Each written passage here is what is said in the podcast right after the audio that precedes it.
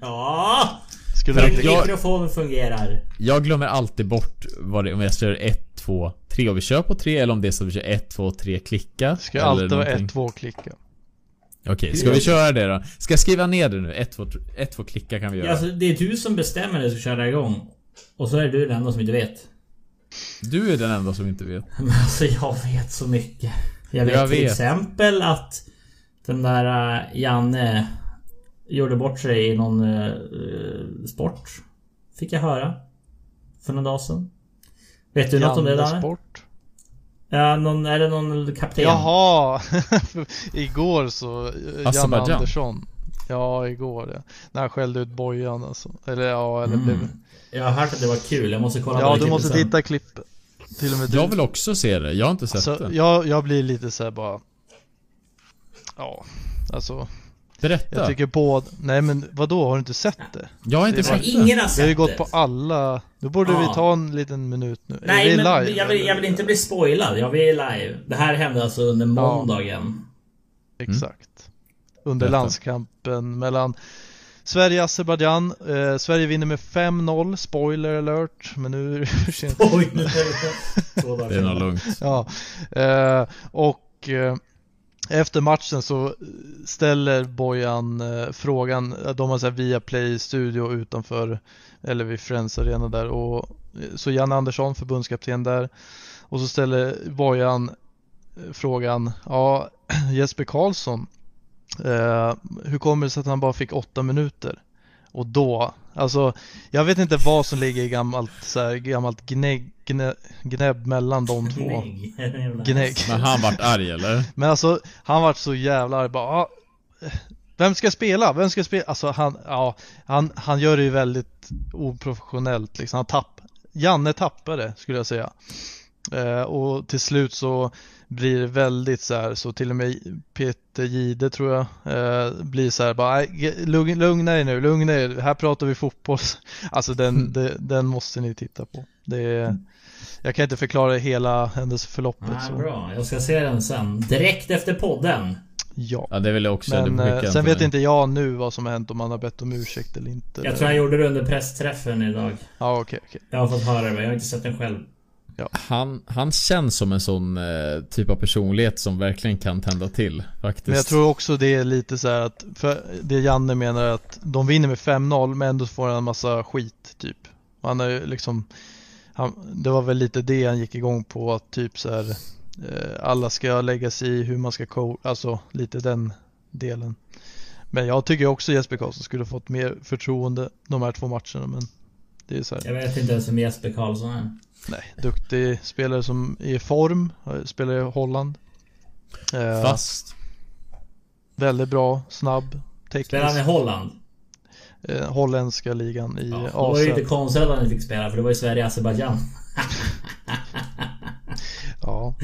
Så mycket kan Robin om fotboll. Jag tackar Eh, tackar. Ja.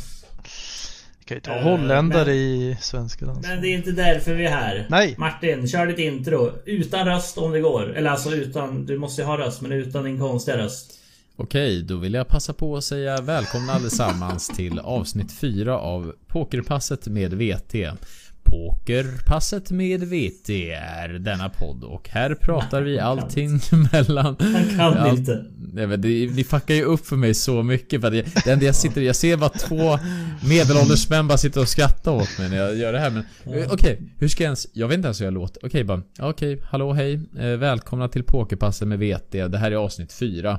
Vi pratar allting om poker här gör vi. Eh, det var väldigt tråkigt, förmodligen har ni lämnat när ni redan hört det här men skitsamma. Så är det.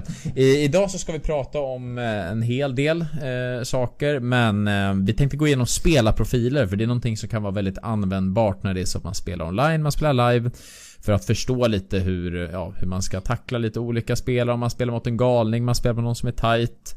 Man spelar med någon som höjer mycket. Eh, någon fisk som synar allting, lite sånt också. Men innan vi går in på det så är det viktigt att vi vill höja upp en särskild person eh, som faktiskt har plockat hem eh, säsong 9 av Value Series. Och den här personen är inte mindre än Oso 71 som plockar en Values i säsong 9. Stort jäkla grattis Oso! Grattis, grattis! Yes. Nu gjorde det jag var- riktigt obehagliga klappningar där. Men det är Ja, för att det inte klipps in några klappningar så. Jag känner ändå att det behövs. Det är så kul för jag lyssnade igenom våra avsnitt när Martin sa att han skulle klippa in applåder. Inte fan låg några applåder där. Jag blev en- väldigt besviken. Det är en grej med att vi inte gör det i alla fall så okej men det jag tänkte säga först det är att eh, Oso han, han plockade så otroligt mycket poäng i början. Sen såg det lite mindre ljust ut. Eh, Han lyckades plocka tror det var om det var omgång 8 eller omgång 9 där han lyckades plocka lite mer poäng och med det så kunde han knipa den här första platsen. Eh, för han krossade i början. Eh, sen så vill vi också säga Eh, Tolund, jag vet inte vem det är. Om det är eh, den herren eller om det är någon annan. Men den personen plockade i alla fall andra platsen. Vet ni vem det är förresten? Och kan man outa den personen? Nej, jag vet faktiskt okej. inte. Jag Men, tror att jag vet men jag tror inte vi kan outa. Men, men jag skulle Nej. kunna gissa. Jag skulle kunna gissa. Ja.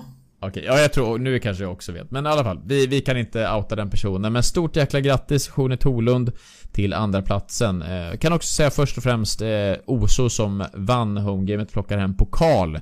Han plockar hem presentkort på 2000 kronor. Han plockar också hem ett vetekit där en hoodie, keps, mössa, t-shirt i valfri färg och en mössa. Så han plockar hem en hel del grejer vilket är såklart otroligt roligt. Eh, Shoni Tolund plockar hem 1000 kronor presentkort och två valfria merch. Sen har vi Gunsan 55 på en tredje plats. Eh, Stort grattis till dig Mm. också och du plockar hem 500 kronor presentkort plus en valfri merch.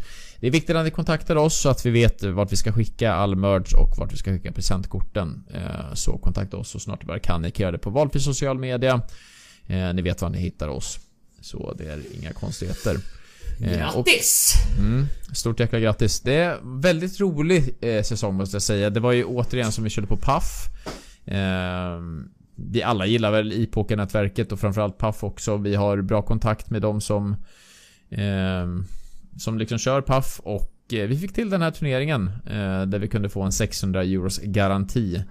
Eh, vilket vi inte alltid har nått upp till. Men då har det blivit ett bra övervärde i alla fall. Så vi hoppas att det är någonting som har uppskattats från, från våra medlemmar. Att vi kunde ha gjort den här eh, turneringen. Tio omgångar har vi kört. Verkligen. Får väl se också hur fort det kommer igång med nästa säsong. Jag hoppas vi hinner en till säsong innan sommaren. Eh, Det det, gött. precis. Det är absolut planen. Planen är att vi ska dra igång den 9 eh, april. Så att vi kommer köra den här veckan som uppehåll och sen kommer vi köra igång igen. Och då tror jag att det blir så att det är 11 juni som sista omgång kommer köras. Och efter det så kör vi ett litet sommaruppehåll och drar igång i höst igen. Eh, för det händer en del, hel del under sommaren. Vi ska också fokusera på SM och planera det.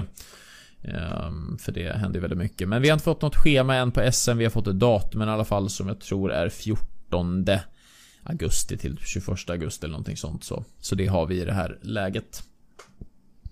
Mm. Så så är det. Vi kommer också få en intervju från Oso som kommer komma ut i slutet av denna vecka eller början av nästa vecka så det får ni inte missa. Kommer läggas ut på valueton.se och på alla sociala medier. Så det är mycket fint. Så ja, stay tuned. Det kommer komma ett till home game. Så ja, var redo, var redo. Var redo. Jajamensan. Be ready! Be Så alla ready.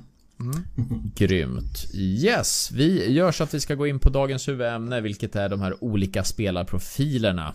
Eh, och vi tänkte först att vi ska köra en liten introduktion. Vi kommer berätta lite vad det finns för olika spelarprofiler. Ni får gärna flika in om det så att ni kommer på några fler. Men de som jag har plockat fram här är eh, någonting som vi kallar för tight aggressiv. Jag kommer lägga om de här till svenska. Eh, det är en spelare som spelar färre händer men när de väl spelar dem så är det mer aggressivt. Man höjer och trebettar mer. Eh, är det så att man är en lös aggressiv spelare så spelar man fler händer och man spelar mer aggressivt och man höjer ofta och man bluffar generellt mer. Eh, sen har vi någon som är tight passiv. Och då spelar man färre händer och synar mer än höjer. Foldar mycket när det är som man inte har en bra hand. Sen har vi också lös passiv. Det är att man spelar väldigt många händer med är passiv och inte höjer så mycket. Eh, också kallat för calling station. Och det är, man synar ofta även om handen är kass. Eh, sen har vi Maniacs, alltså galningar och det är en extremt aggressiv spelare som höjer och bettar ofta. Oavsett hur bra handen är. Eh, kan också vara lite svår att läsa i och med att den här personen bettar ju hela, hela tiden. Eh, så man får justera lite, vilket vi kommer komma in på lite senare. Eh, så en högriskspelare som ofta torskar pengar i längden. Sen har vi Sten. Eh, det är alltså inte våran community member Sten. Utan det är någonting som kallas för Rock på engelska men vi översätter det till Sten. Eh, och det är en spelare som är ännu tajtare och passiv än den här eh, Som är tight eh, passiv. Eh, och den här spelaren spelar väldigt få händer och bettar inte så ofta eller höjer. Eh, skulle säga att det är väldigt eh, sådana spel som är väldigt lätta att läsa. Är det så att de väl har någonting så märker man att den här spelaren blir genast mycket mer intresserad av potten. Eh, sen har vi valar. Det här vet jag inte om det är så att alla vet vad det är, men en val brukar man säga att det är någonting, någon som kommer in på bordet och är en person som donerar pengarna till, till de andra spelarna. Som gillar att gamla mycket, som gillar att trycka in pengar eh, i spelet. Eh, och det är någon som man verkligen vill ha vid borden, då är det mumma mumma för de spelarna som är där. Eh, en typisk businessman. Ja, eh, mm. vi kommer också komma in på lite exempel på vilka som är valar i de här kända spelarna. Eh, men det finns väldigt många businessmän som kanske har de här spelen där de här pengarna betyder inte så mycket för dem utan de kommer bara för att ha en, liksom en rolig tid och, och gambla. Ibland kan ju de vinna hur mycket som helst och ibland kan de torska hur mycket som helst också. Det är ungefär det som är när man är en val. Sen har vi fisk. Eh, det kan vara många olika typer av profiler men eh, skulle säga generellt att det är någon som är ja, som anses som, som väldigt dålig i alla fall. Eh, det kan finnas tajta fiskar, det kan finnas lösa fiskar. Och de här spelarna synar ofta med dåliga händer. Och när det är så att man ser en viss typ av handstyrka så släpper man inte händer. Det kan vara så att ja, men har man toppar så man kommer inte vika den för någon summa i hela världen utan man kommer gå med oavsett vad. Men det finns också andra typer av fiskar. Så, så det är de. Eh, olika skulle jag säga. Har ni någonting mer som ni skulle vilja säga som man vill lägga till olika typer av spelarprofiler? Nej. Inte, nej. Eftersom vi har olika typer av de här uh, huvudtyperna också så mm. tycker jag väl inte det. Nej. Precis. Ja, det är väl fisken. Det finns lite olika. Att det grenar ut lite olikt. olikt så. Exakt. Mm. Det här... Exakt. Vi kommer komma in lite på det här med notes, för det här är ju också någonting som när det är som en online-spelare kan vara väldigt bra att notera eh, vilka det är man spelar mot och då kan man använda de här spelarprofilerna. Oftast är det så att man kanske döper någon annan som är som är tight aggressiv. Då kanske är någon som är, är reg som är väldigt duktig. Det kan också finnas spelare som är tight aggressiva men som inte är jätteduktiga. Kanske man taggar de här som bra eh, Bra regs. Det kanske finns dåliga regs etc. Men det kommer vi också komma in på. Så så ser det ut och vi tänkte väl också gå in lite på varför det är viktigt att förstå de här eh, hur vi hanterar olika spelarprofiler och hur vi justerar vårt spel mot dem. Eh, så ja, har ni någon input med varför det är viktigt att förstå? Ni som spelar mycket och notar mycket. Du Daniel notar väl hur mycket som helst? Jag tror också du är det Robin. Men varför är det viktigt att eh, förstå alla de här olika spelarprofilerna när man framförallt spelar online? För att man måste spela olika mot alla typer av spelare.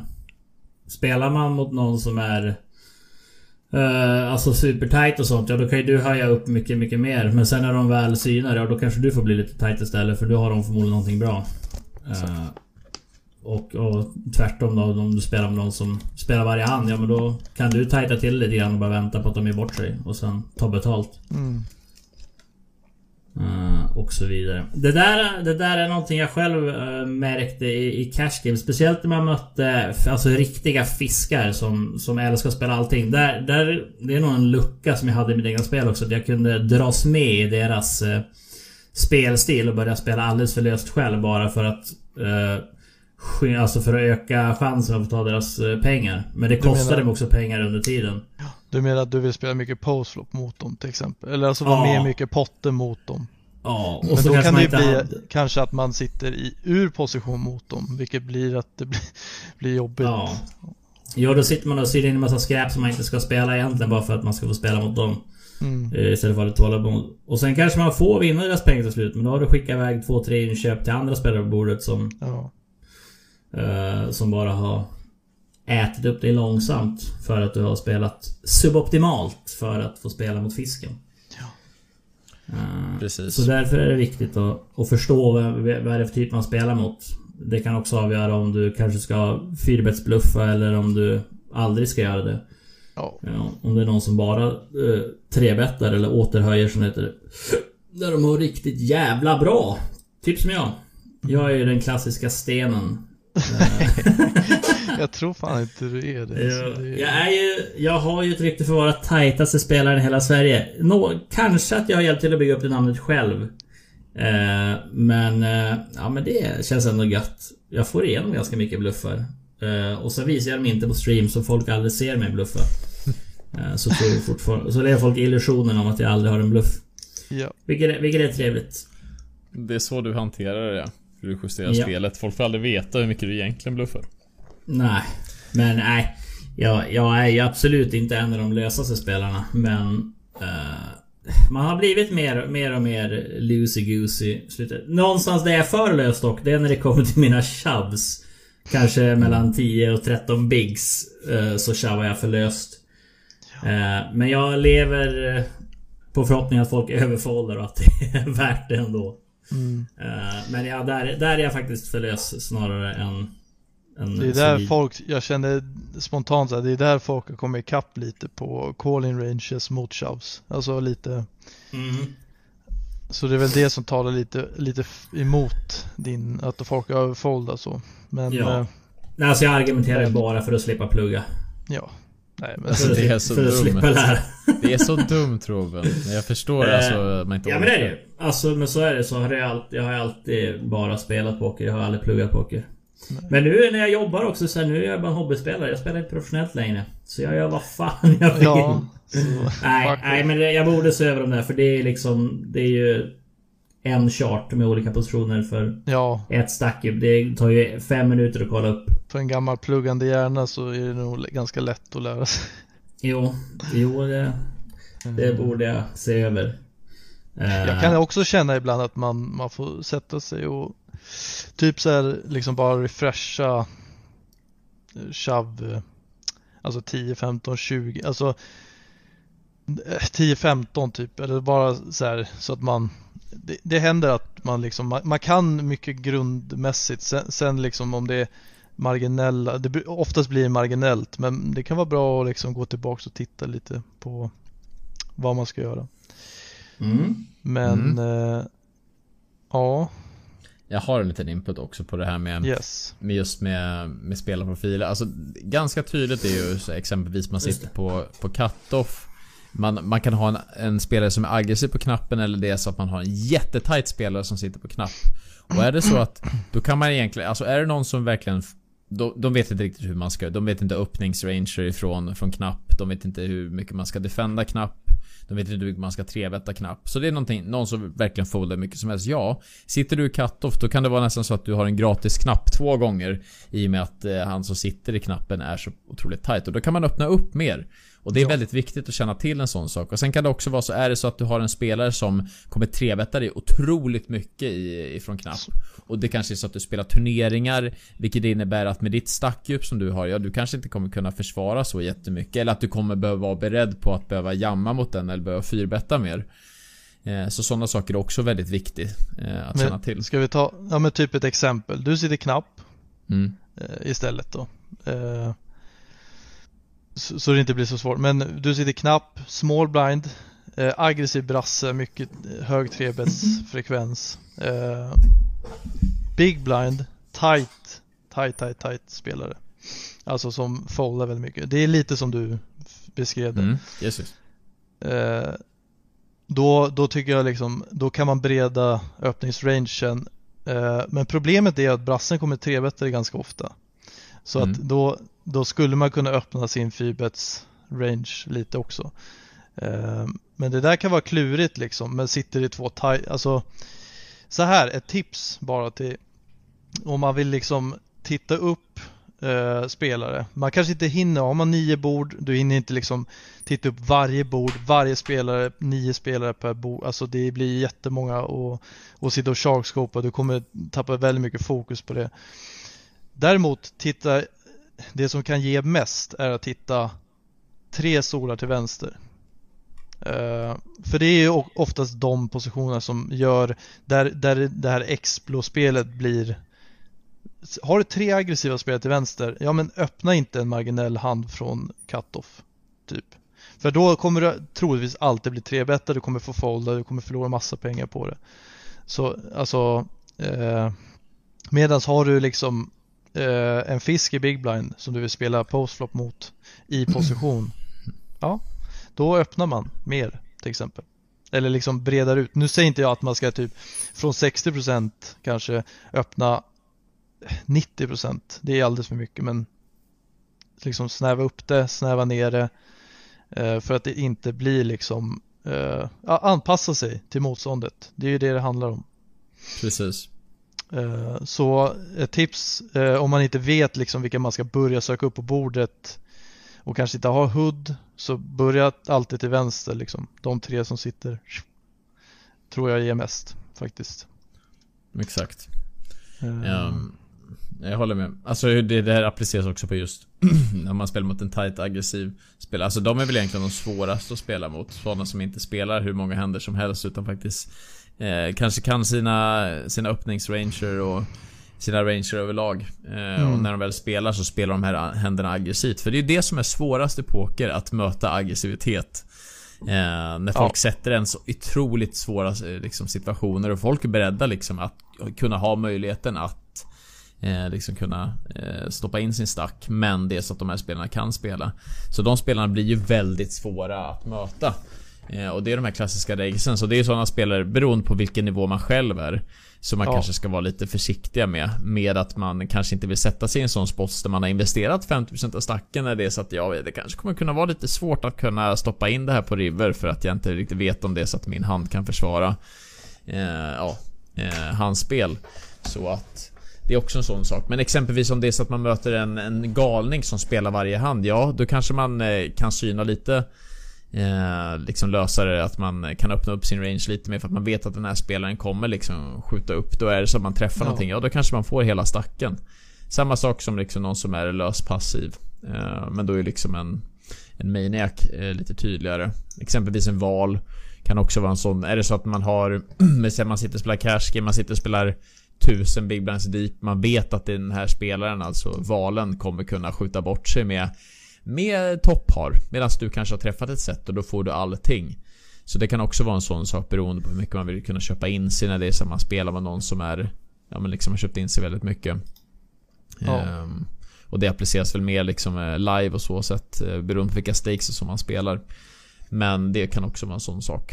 Och exempelvis om man spelar mot fisk. Så det, det är väldigt olika. Så man får försöka använda den här approachen med att man får försöka exploita deras spelstilar. Är det så att du spelar med någon som är galen, ja, du, du kanske inte vill sätta dig i en sån situation där det är så att du kanske måste syna med en jättemarginell hand för att du kommer kanske bli tvungen att folda för att din hand inte kommer kunna klara av den aggressiviteten.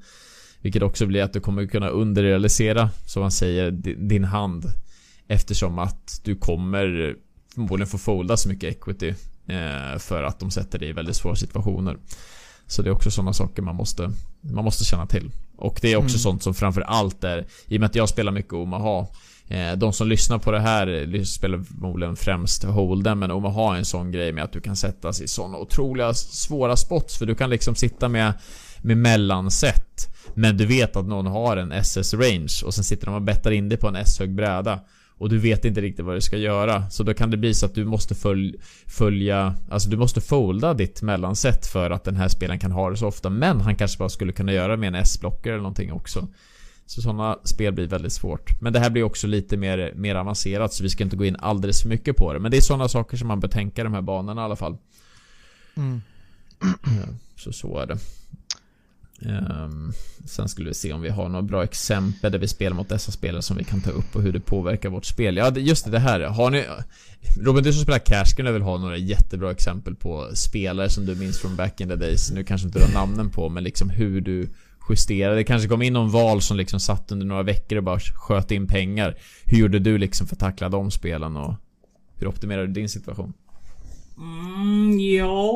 Jo, men man hade ju prov... Alltså när man spelar cash game så... Den, den största...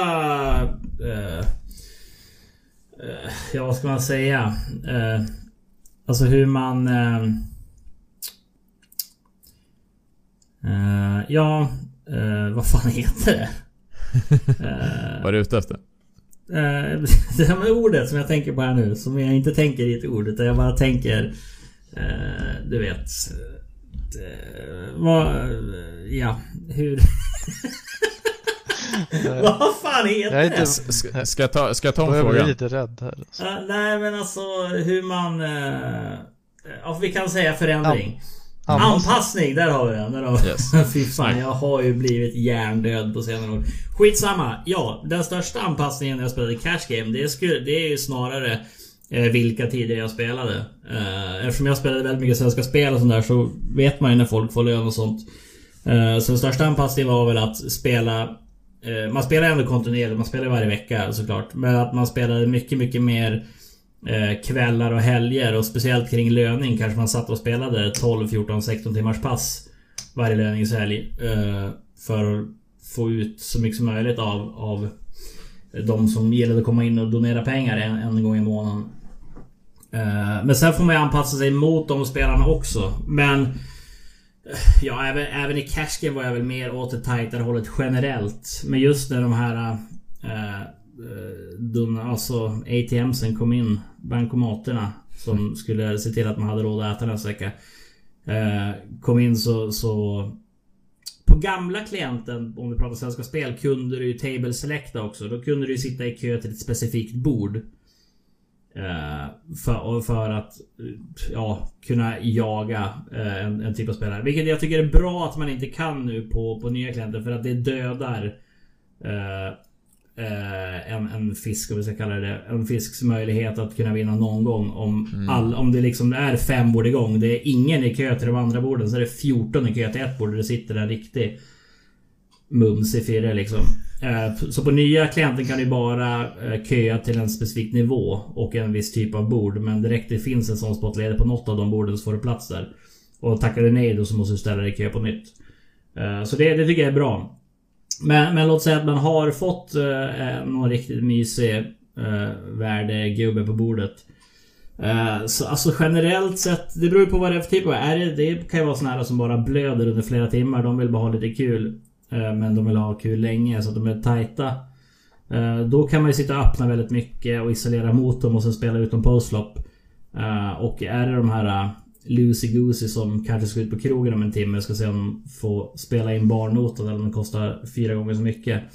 De eh, är jag ju snarare lite tajtare mot eller kanske synar syna Synar mycket bra händer också för att jag vet, om de har höjt upp för att jag vet att det finns folk bakom som vill isolera mot dem och kanske har fallit i det där som jag själv brukar eh, sa tidigare också att man, man börjar spela lösare bara för att man vill försöka isolera fisken. Kan, kan det också bero, om jag får inflika, kan det också bero på man känner en liten stress kring att nu sitter Ja. han här, han är en fisk, han har kanske, man vet inte hur många inköp han har och liksom så här, Nej. man vill ta del av kakan. Det är skillnad mot turneringar. Du bryr dig inte så mycket om en fisk i turneringssammanhang. Men just i cash game är de ju extremt viktiga på det sättet. Eller liksom för att det är direkta pengar. Man vill vara den som stackar den. Det är det. Ja, Nej men så är det ju. Och man vet ju inte, vissa är ju sådana att dubblar de upp en gång så drar de och så kanske de sätter Ja. sig med på ett nytt bord och sånt där. Ja. Så det finns ju väldigt många olika typer av värdespelare som, som man får anpassa väldigt mycket mot. Eh, Men, men det generella är ju bara att spela lite tajtare mot de extremt lösa och bara ta bra betalt. Mm. Och sen eh, eh, Egentligen spela som vanligt mot de här tajta fiskarna. Trebetta dem mer givetvis. Eh, för att de foldar mycket ofta. Eh, och, och så. Jag tycker det är en väldigt bra grej. Eh, mot sådana fiskar som, eh, som liksom limpar in eller som höjer och du vet att de här spelarna kommer vara ganska tight post-flop. Då kan det vara liksom så att man trebettar väldigt mycket och du kommer kunna se betta hem väldigt många eh, floppar liksom för att de här spelarna är jättetajta. Och är det så också, du kommer nästan märka vilken typ av handstyrka det är som de har. Så i vissa liksom, du kanske kommer kunna betta litet på, C-betta litet på flopp och sen kommer du kunna betta mycket större på turn och de kommer kunna, de kommer bara folda väldigt mycket. också. Ja, och sen har du just det du sa om limpa också. Det finns ju vissa typer av spelare som gillar att limpa. Men när de väl har stoppat pengar i potten så vägrar de folda. Ja, Där är det också viktigt inte att ha- bluffa. Nej, och när man väl höjer, att man höjer mer än vanligt. Alltså just, man kanske höjer vanligtvis tre big blinds i ett cash game. Men har du sådana spelare som sitter och limpar och alltid kommer syna dig. Om du kan höja 5-6 big blinds före flopp om du vill. Eh, och bara casha in gratis på det för de kommer vika så mycket på floppen sen. Så det är som att du värdebettar dem innan floppens. Uh, egentligen oavsett vad du, vad du har eh, på den typen av, eller mot den typen av spelare. Exakt. De, de, de svåraste så här, om vi nu är inne på fisk, det- de svåraste att spela mot och förstå är de här, de spelarna som sjukt aggressiva. Dock kan de generera mest också, eh, med Mm. tanke på deras veviga spelstil. Men där kan det verkligen vara att antingen så bara liksom, de kan liksom donka ut eh, flopp med nöt liksom. Och bara Ja. pop, pop, pop. Och så blir du li, lite så här, ja men S-knäckt, alltså typ vi, vi, Ja, att du sitter och synar ner eh, honom med typ en hand du tror leder med liksom. Det finns så här och sen kan det ju vara att de checkracear och du vet inte riktigt så här vad du, ja de är ju de jobbigaste. Eh, de här tidigare fiskar som ni nämnde, de, de är ju väldigt enk, ja de är enkla att spela mot så. Mm. Hade ju, utan att nämna namn, men i steken i söndag så hade jag ju en spelare på, på mitt bord som spelade nästan varje hand men bara limpade. Eh, men sen helt plötsligt från ingenstans så kom en 11x, alltså 11 big blinds höjning. Alltså öppen höjd 11 big blinds och då var det kung kung. Så det är också... men, Ja. men varje gång det var limp, alltså om det var limp ute i G plus 2 med dam 7 suit, då var det ju en limpsyn eller limpkallsyn eller en 3 med dam 7 suit för att säga flopp. Ja, Eh, Så där fick man ju också höja upp liksom eh, mer än vanligt för att man vet att de kommer syna oavsett om de har... Och då kan de ju bara ha skräp eller medelhänder om de 11 rexar alla sina starkaste händer. Eh, Exakt. vilket var väldigt roligt. Det Den spelaren en väldigt- kom längre än mig för övrigt. ja, men det är väl inte så svårt. Kanske. Nej, det är sant. Det är turneringar. det är sådana där som blir väldigt valuable notes. Och det, det är väl det så här, jag skulle säga att Svenska Spel kanske är den sidan jag, jag uh, notar på mest. För att, och där skiljer sig fisken väldigt mycket från varandra. Där finns det de, ja men de som limpfoldar UTG, alltså mot 3x. Om vi säger att de limpar in UTG, jag isolerar 3x och foldar dem. Bra, där har du en note, Mm. pang. Eh, då vet man det. finns de som limpjammar, det finns de som, nu pratar jag mest turneringar då, eh, för er som lyssnar. Eh, det finns de som racear 5x UTG och då, som kanske är väldigt passiv annars, nits liksom. Eh, men då är det alltid en stark hand. Eh, så att där, jag skulle säga att Svenska Spel skiljer sig, jag skulle säga att Unibet också är lite så. Sen är det Ja. ganska lika, alltså fiskarna är väldigt lika Ja. på andra sajter. Jag tror ju också att kontrasterna upplevs större mellan, mellan fiskar på Spel och Unibet för att det är ett mindre klientel. Det är mindre spelare med i turneringarna. Ja. Eh, Många känner man igen. Eh, Och när det är färre spelare så, så kommer du se större skillnader fortare. Eh, tror jag generellt. Ja, ja exakt, exakt. Och för att du inte spelar lika många turneringar på den sajten. Men om du kollar på e-poker där jag kan spela 75-80% av mina turneringar. Där har du så många turneringar igång så du registrerar inte på samma sätt vilken Nej. typ av fiskar är. Eller Och typ av spelare. Nej, och grejen är ju att eh, det blir ju liksom... Nej, nu glömde jag bort vad jag skulle säga. Nu Anpassning. sån- Nej, All, Nej. alltid anpassning. ja. Nej, jag kanske kommer på det snart. Men eh, Är det viktigt Ja, men- att komma på det? det är just att eh, man måste verkligen ha koll på men vissa har olika bettlinjer också. Vi, nu har vi pratat, pratat mycket eh, pre-flop, men typ att det kan gå bet, check, bet. Och så händer det, då kan man skriva upp det, händer det igen, ja men då stämmer det liksom. Då kan man liksom ha kvar noten så. Att det är bluff, alltså ibland är det bluff och ibland det, det är en så här blufffiskar finns. De älskar att Vissa ska man checka till, vissa, vissa ska man gå tre gator värde ur position kanske. Alltså det är därför det Mm. skiljer sig så mycket och eh, eh, det här hjälper ju i alla fall er som spelar färre antal bord. Det är ju lite svårare för de som spelar många bord att kunna registrera sig. Men det här är så, så valuable. Alltså att kunna ha notes kring sånt här. Tycker jag. Notes är underskattat eh, faktiskt. Alltså det, eller det, jag vet inte om det är Det beror ju underskattat på men vad det... man spelar också för sorts poker då. Ja, Ja. Liksom om man spelar en Explo eller Mix eller liksom. Ja, alltså det... Ja, men alltså oavsett med just med notes är alltså...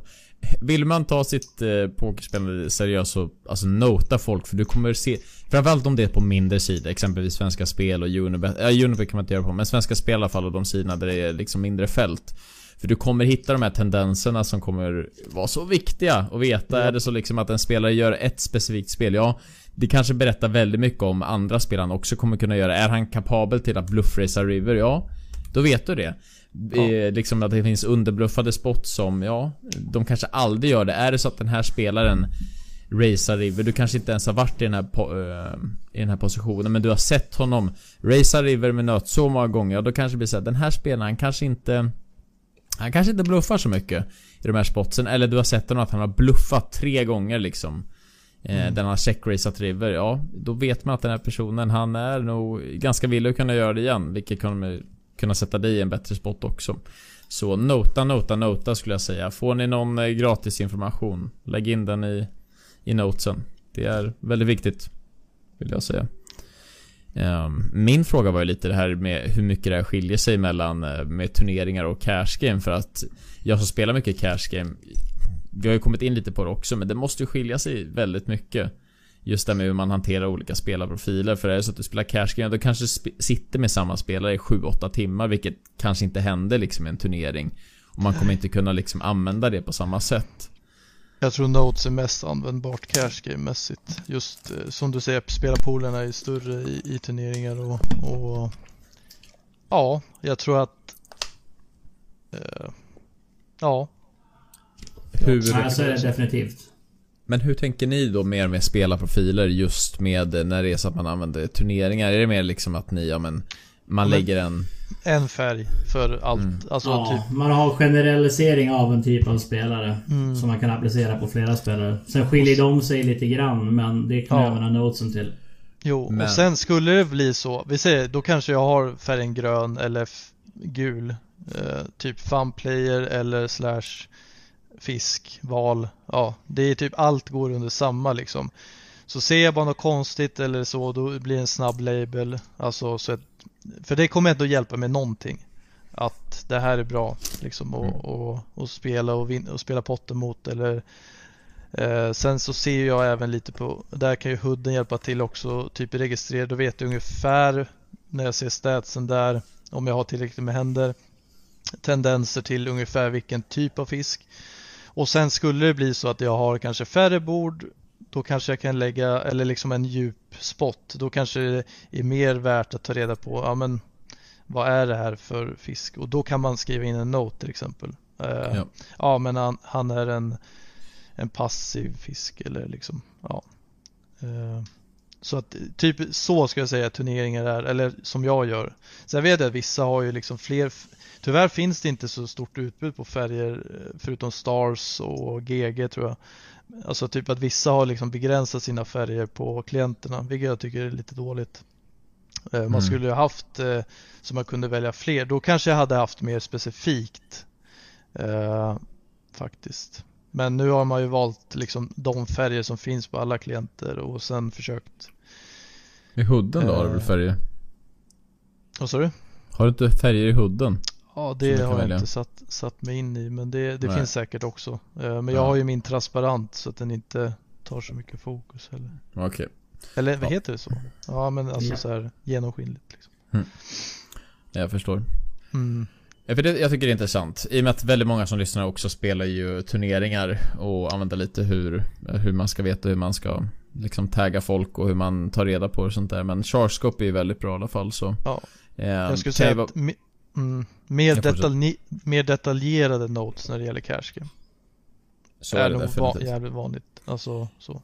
I och med att du kanske kommer spela med samma spelare flera gånger eh, och under längre tid i... Mm. Men som, vi, som jag sa, alltså det... Sharkscope är ett väldigt bra program att investera i om det är så man vill ha möjligheten till det. här För det är ju med att du kanske inte kommer spela så ofta med samma spelare så kan du få ganska mycket information av att söka upp den här spelaren på Sharkscope. Så vet man, ja men har den här spelaren Kanske har en ROI på 50% och har spelat väldigt, väldigt många turneringar. Ja, den här spelaren kommer sannolikt vara väldigt bra.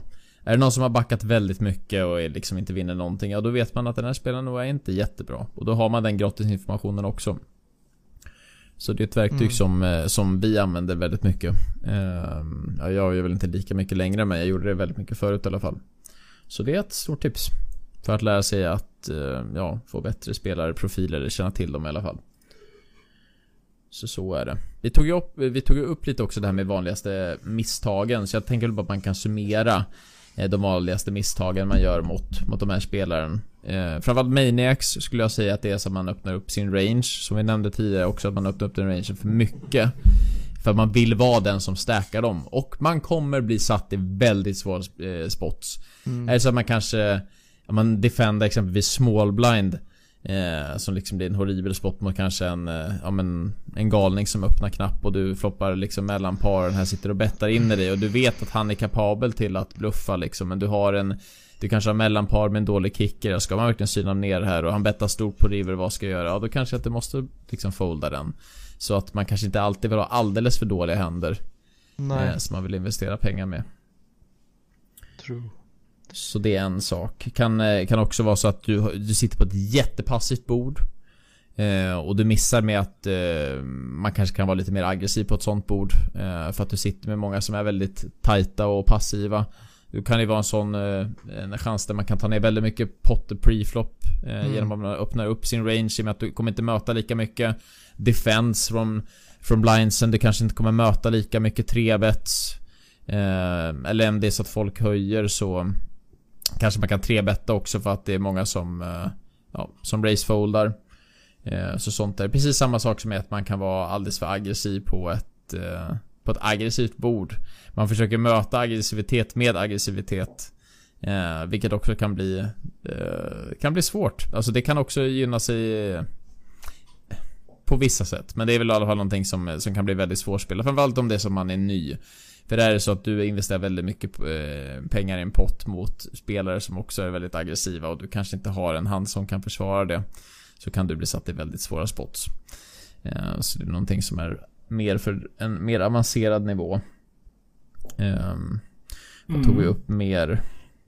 När man spelar med vissa spel med dåliga range så kan man under eller se det också det som vi nämnde förut med att du kanske inte kommer komma till showdown lika ofta för att du kommer bli tvungen att folda. Vilket mm. kan vara Eh, lite kallt. Eh, och sen om det är så att man inte är medveten om de här spelarprofilerna så kanske man inte table selectar lika bra om det är så att man exempelvis spelar cash game. Eh, vilket kan vara värt att veta. Eh, det kanske inte är det allra bästa att sätta sig på ett bord där det är fem stycken regs och du är den sista eh, och du kanske inte är jätte, jättebra. Eh, då kanske man blir överkörd tyvärr. Medan om man väljer ett, ett game där det är som man sitter med två stycken valar och en fisk så har man eh, plötsligt mycket större chans att eh, få ett bättre resultat. Ta med sig. Stämmer. också. Vad skulle ni säga att eran egen profil är? Jag tycker det är intressant. Och sen så rock. kanske ni kan jämföra en rock. Nej. Eh, jag skulle säga att jag kanske förut, jag tror jag liksom började gå mer, jag var, jag, jag var ju väldigt, jag hade väldigt Valig. tajta stats. Nej, alltså för Valig. Men man har nog varit lite allt möjligt i, sitt, i sin karriär. Alltså helt... Ja. Äh, När man spelar låga äh, cash games så kan man vara en val. Rätt hårt. Jo. När man spelar med då är man bara skjuter in bara vad det är kul liksom. Äh, ja. Jag har väl gått mer åt liksom tagg-hållet kanske. Tight aggressiv ja. Mm. Eller som, ja, som brukar vara en bra, eh, generellt bra strategi. Alltså så. Eh, och det är ju för att du kan hantera aggressivitet. Man, man, man förstår aggressivitet i poker mycket mer. Man vet ja. vilka spots som man kan vara aggressiv, man kan sätta press och sånt. Och ja, det, ja.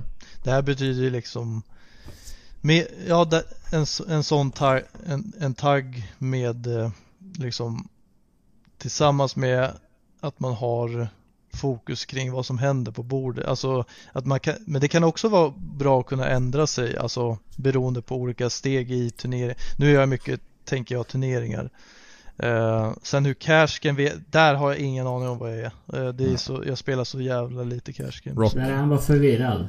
Där tror jag är faktiskt tight. Jag vet inte, live är jag nog tajtare eh, cash game, i cash game. Alltså jag, jag, jag får liksom, det kryper i kroppen när folk synar så här 25x pre. Alltså och det blir fyrvägs. Alltså det är så här, Ja. du vet, för mig är det så här svårt att koppla för om jag jämför det, jag tror jag jämför det för mycket med nätet om du förstår. Alltså så här, Mm. och jag har svårt att veta lite när, alltså typ vilken handstyrka, så här, vad man ska lägga, alltså sitter han bara och, och fuckar ur med 10-3 sot eller gör han det? Ja, jag vet inte, jag tycker att eh, men jag har inte gett det så, så mycket chansen. Alltså, Men alltså live tycker jag det är perfekt att vara tight aggressiv. För Ja. då spelar alltså, spelar det ingen roll om du sitter och 25x öppnar i, i cash game. Där bara kan du ju lite- sitta en, liksom flera hundra, ja hundra timmar. Du kan ju sitta flera tim- tim. Du kan ju sitta en hel kväll och typ ha den strategin. Men så du får så lite händer, det tar sån tid. Varje, varje hand tar Ja. sån tid. Så att det är liksom, då känner man sig som en, de uppfattar ju dig som en nitto. Alltså som inte Ja. spelar en Men det, enda. där är ju tipset att snacka mycket vid bordet så att folk Ja. upplever som att du är med hela tiden. Okej. Eh, då tänker de, åh fan han, han verkar rätt lös ändå. Och sen spelar du aldrig händer. Mm. Men så kan man straddla också. Då, det är bra. Folk älskar det. Då, då, Ja. ja. han är en galning, han straddlar ju. Kan du dubbelstraddla Ja, också? Liksom, Ja. alltså, Så det kanske är värt en minus CV grejen. Ja, det är, Det alltså, är- Det, straddling är Ja, värt. alltså, stra- ja, alltså image-wise liksom i, i längden liksom. Alltså jag kan säga så, det Obviously. handlar inte bara om image-wise, utan är det så att bordet straddlar, du ska inte vara den som inte straddlar. Det är så tråkigt. Är det så att bordet gör det, straddla bara. Man ska inte vara liksom Jaha, den varför då? För att... An, Jag har gått en bordsnitt- annan skola. Ja okej, okej okej, vi, Du säger, vi, vi, säger, vi säger, ja jag vet vilken skola du har Ja, gått i, ja. men eh, precis. Men är det så, säg att du har ett bra privatgame som du spelar och allting sånt där, ja, kommer du Ja, kanske bli jo. bli ditbjuden igen om det är så Nej, att du då- inte då liksom det en öppnar upp action och så. Absolut, Ja. absolut. Nej, jag tycker i alla fall att man, för det, det kan också Det kan eh, ge lite mer action när det är så att man liksom straddlar och allting Annars om det är så att du inte gör det, ja, då kanske du blir sedd som den här Liksom tajta spelaren, vilket man kanske är i vissa av de här eh, eh, Spelen för att det är så många som är otroligt aggressiva och eh, spelar så otroligt mycket händer Så vill Jo. du kanske få imagen av att de tror att den här spelaren är inte så tight så att när du väl höjer på river då kanske de tänker att han kan ha bluff Istället för att de tänker att han har inte spelat en enda hand, han har aldrig en bluff Nej. Vad, tro, eh, vad tror ni är vanligaste eh, typ av val eller fisk? Alltså så här, om man lite sämre spelare. Eh, Alltså fisk, live. Live alltså. fisk är ju, skulle jag nog vilja säga, med att du är alldeles för passiv. Eh, och du liksom Mm. förstår inte på aggressivitet. För att du vågar inte liksom trycka in degen när, när, liksom när det behövs. Så det är liksom, du höjer upp en hand, möter du liksom aggression så, ja du kanske synar men du, du foldar flopp. Du vet inte hur du ska checkracea. Eh, liksom hur, hur dina händer står mot det. För att, och sen kan det också vara så att vissa fiskar tror att, åh gud, nu har jag, nu har jag två par här på en eh, bräda där det liksom är kung, knäck, 10-9 när det liksom bara krävs en dam. Och de kan inte släppa det för att det liksom är, är Mm. två par. Eller att de har ett set på det liksom. De kan nästan höja mot det när det är så att du liksom, du bettar river och allting så. Så att ehm, det är väl egentligen de, de vanligaste fiskarna skulle jag som inte riktigt förstår sig på Som inte förstår sig på sin handstyrka och inte förstår sig på aggressivitet heller. Som är alldeles för passiva. Mm. Så tänker jag. Men det är väldigt stor skillnad också när man spelar Omaha. Omaha och Hold'em är alltså två otroligt, otroligt olika spel. Jo. Ehm, liksom när det är så att du kanske är fisk och du kan bli belönad så otroligt mycket mer än vad det liksom är i Hold'em. Skill and bingo. Ja, det är precis. Yeah. Fyrkortsbingo som Robin säger. Jag Men vet inte det- varför Martin pratar om Oma, för att det borde vara jag som gör det eftersom jag har en SM-titel i det men... Har jag någonting? Så- Nej det har jag faktiskt inte. Så vad ska du, om du får beskriva dina profiler, Texas och Omaha. Eh, ja... Nej men alltså jag är väl också tight aggressiv även fast vissa skulle säga att jag bara är tight. Men uh, ja, eh, Men i, i, i Omaha där är jag snarare eh, bara tight. För det tycker jag funkar nästan lite bättre. Men där är man ju, alltså man är aggressiv också givetvis. Men där drar nog mer åt det tight hållet. För att folk generellt sett gillar att betala av så jävla mycket. Mm. Eller få in det med De kanske har nöt på flopp men de får in det på turn när jag har också en nöt plus att jag har massa extra drag. Eh, Så att jag frirullar eller aldrig kan förlora. Eh, så att eh, det tycker jag är viktigt. Det är väl också generellt sett viktigare, eller viktigt att man får in det mycket oftare på turn än just på flopp i, i PLO också. Eh, Som jag har förstått det. Men jag vet inte, det kan ju Martin bättre. Ja, alltså det, det beror helt såklart på vilken typ av hand, men så är det ju för att det eh, kanske är så att man, eh, man kanske inte vill få in det på en flopp där det finns ett färgdrag och det finns eh, liksom högre stegdrag och allting sånt där. När du har nöt, eh, liksom nötstege men du sitter liksom med eh, potten är på 50 big blinds och du har 600 big blinds bakom och det som man vill höja. Sen, men, Mm. sen har någon bettat pott och sen så Ehm, så höjer jag liksom och sen är potten liksom på 450 big blinds och sen så kommer det en färg på turn och så bara, "Jaha, ja, okej. Eh, Jag har så att jag kan potta men eh, jag har ju inga tillägg eller någonting så då måste jag kanske bara folda. Medan man kanske bara hade kunnat synat den handen och eh, kanske försökt ställa på, på säkra turns och sånt. Så det är mycket så man spelar så man spelar Omaha i alla fall. Eh, för folk generellt sett som går över från Holden till Omaha är ju att man eh, värderar händer på liknande sätt. Eh, så att man Ja. tänker, åh jäklar, ja nu har jag botten två här i Omaha, det är ju riktigt fint. Eh, sen så beror det såklart på vilken, hur stor potten är jämfört med din stack och sådär. Men, eh, men så är det definitivt. Så det är två helt olika spel. Eh, Men ska vi gå igenom teorin på det så kommer det nog ta väldigt lång tid. Men det är ett väldigt roligt spel i alla fall. Jag eh, kan rekommendera att prova Omaha och se om det är någonting som man gillar. Omahas. Omahas. Jaha. Yes. Var det allt? Ehm, ja, eh, jag tänkte att vi skulle gå igenom lite eh, kortfattat eh, de här kända spelarprofilerna som man kan ta upp. Ehm, men Eh, det är väl inte det jätteintressantaste. Men folk i alla fall, ni, ni vet säkert någon, ni som lyssnar på podden kan gärna skriva i kommentarsfälten. Eh, känner ni till någon riktigt bra kändis där ni har någon riktigt bra spelarprofil? Exempelvis om det skulle kunna vara Phil Ivey som gick från att kanske vara en loose aggressive spelare när han spelade cash game till att numera vara lite mer tight aggressiv. Kanske var Tony G som också är en loose aggressive spelare. Kan vara den här eh, liksom miljardären Gila Liberty som spelade bort 25 miljoner eh, dollar på väldigt kort tid. Som såg som en jätteval. Eh, var en annan spelare som hette Andy Beal Tror jag det var. Som också spelade bort jättemycket som utmanade alla high stakes pros. Som också var sedd som en jätteval. Så det är väl bara några sådana exempel. Men vi kommer lämna över det till er som lyssnar på podden. Har ni något jättebra exempel så, så vill vi höra det. Men Ja utöver det så tror jag att det var allting från avsnitt 4 av Pokerpasset med VT och det här tror jag är någonting som kommer vara extremt användbart för er som lyssnar och ni som vill lära er mer om poker. För det här är någonting som man bör definitivt känna till. För det kommer påverka hur ni spelar otroligt mycket i alla spots. Bara av att du känner till det här och kanske väljer av att syna istället för att höja i en sån spot kan genereras otroligt mycket i vissa spots. Så det här är någonting definitivt som ni bör jobba på. Det handlar ju lite om det med table awareness också. Att man bör känna till det som händer på borden. Så ja. Hoppas att ni gillade det vi pratade om och att ni kommer användning av det i framtiden. Ja. Jajamän. Super! Säger vi så? Ja. Yes. Ja, vi vill också bara säga att Allsvenskan Fantasy drar igång första april. Så se till att registrera era lag. Det får ni inte missa. Ja, Nej, Jag är med i år. Just det ja. Det är Bounty på... Nej, jag ska... Ska ni... Ni kanske ska ha last, last longer? Men Martin vågar ju inte. Jag, jag Martin kan ha en skyller less på sin longer mot tid. dig. Jag kan ha en less longer för Allsvenskan Fantasy med Robin, det kan jag säga. Men jag kommer ju vara så otroligt kass. Det skulle vara kul, så coachar jag dig Robin. Så lär du dig allt om, allt om Allsvenskan i år. Fan vad gött. Då kommer jag ju uppenbarligen torska i och med att jag inte gillar svensk fotboll. Men jag skulle kunna göra mitt bästa bara för att knipa dit Robin i alla fall. Mm. Får vi se, vi får får jag se ta lite vad, coaching? vad som bestäms. Ja. Yes. Yes box. Ja, vi Ja. säger så. Tack till alla som har lyssnat så syns vi nästa gång i avsnitt 5. Ha det så bra så syns vi på borden allesammans. Hej då! Ha det bra, tja! Ha det bra, tjaba.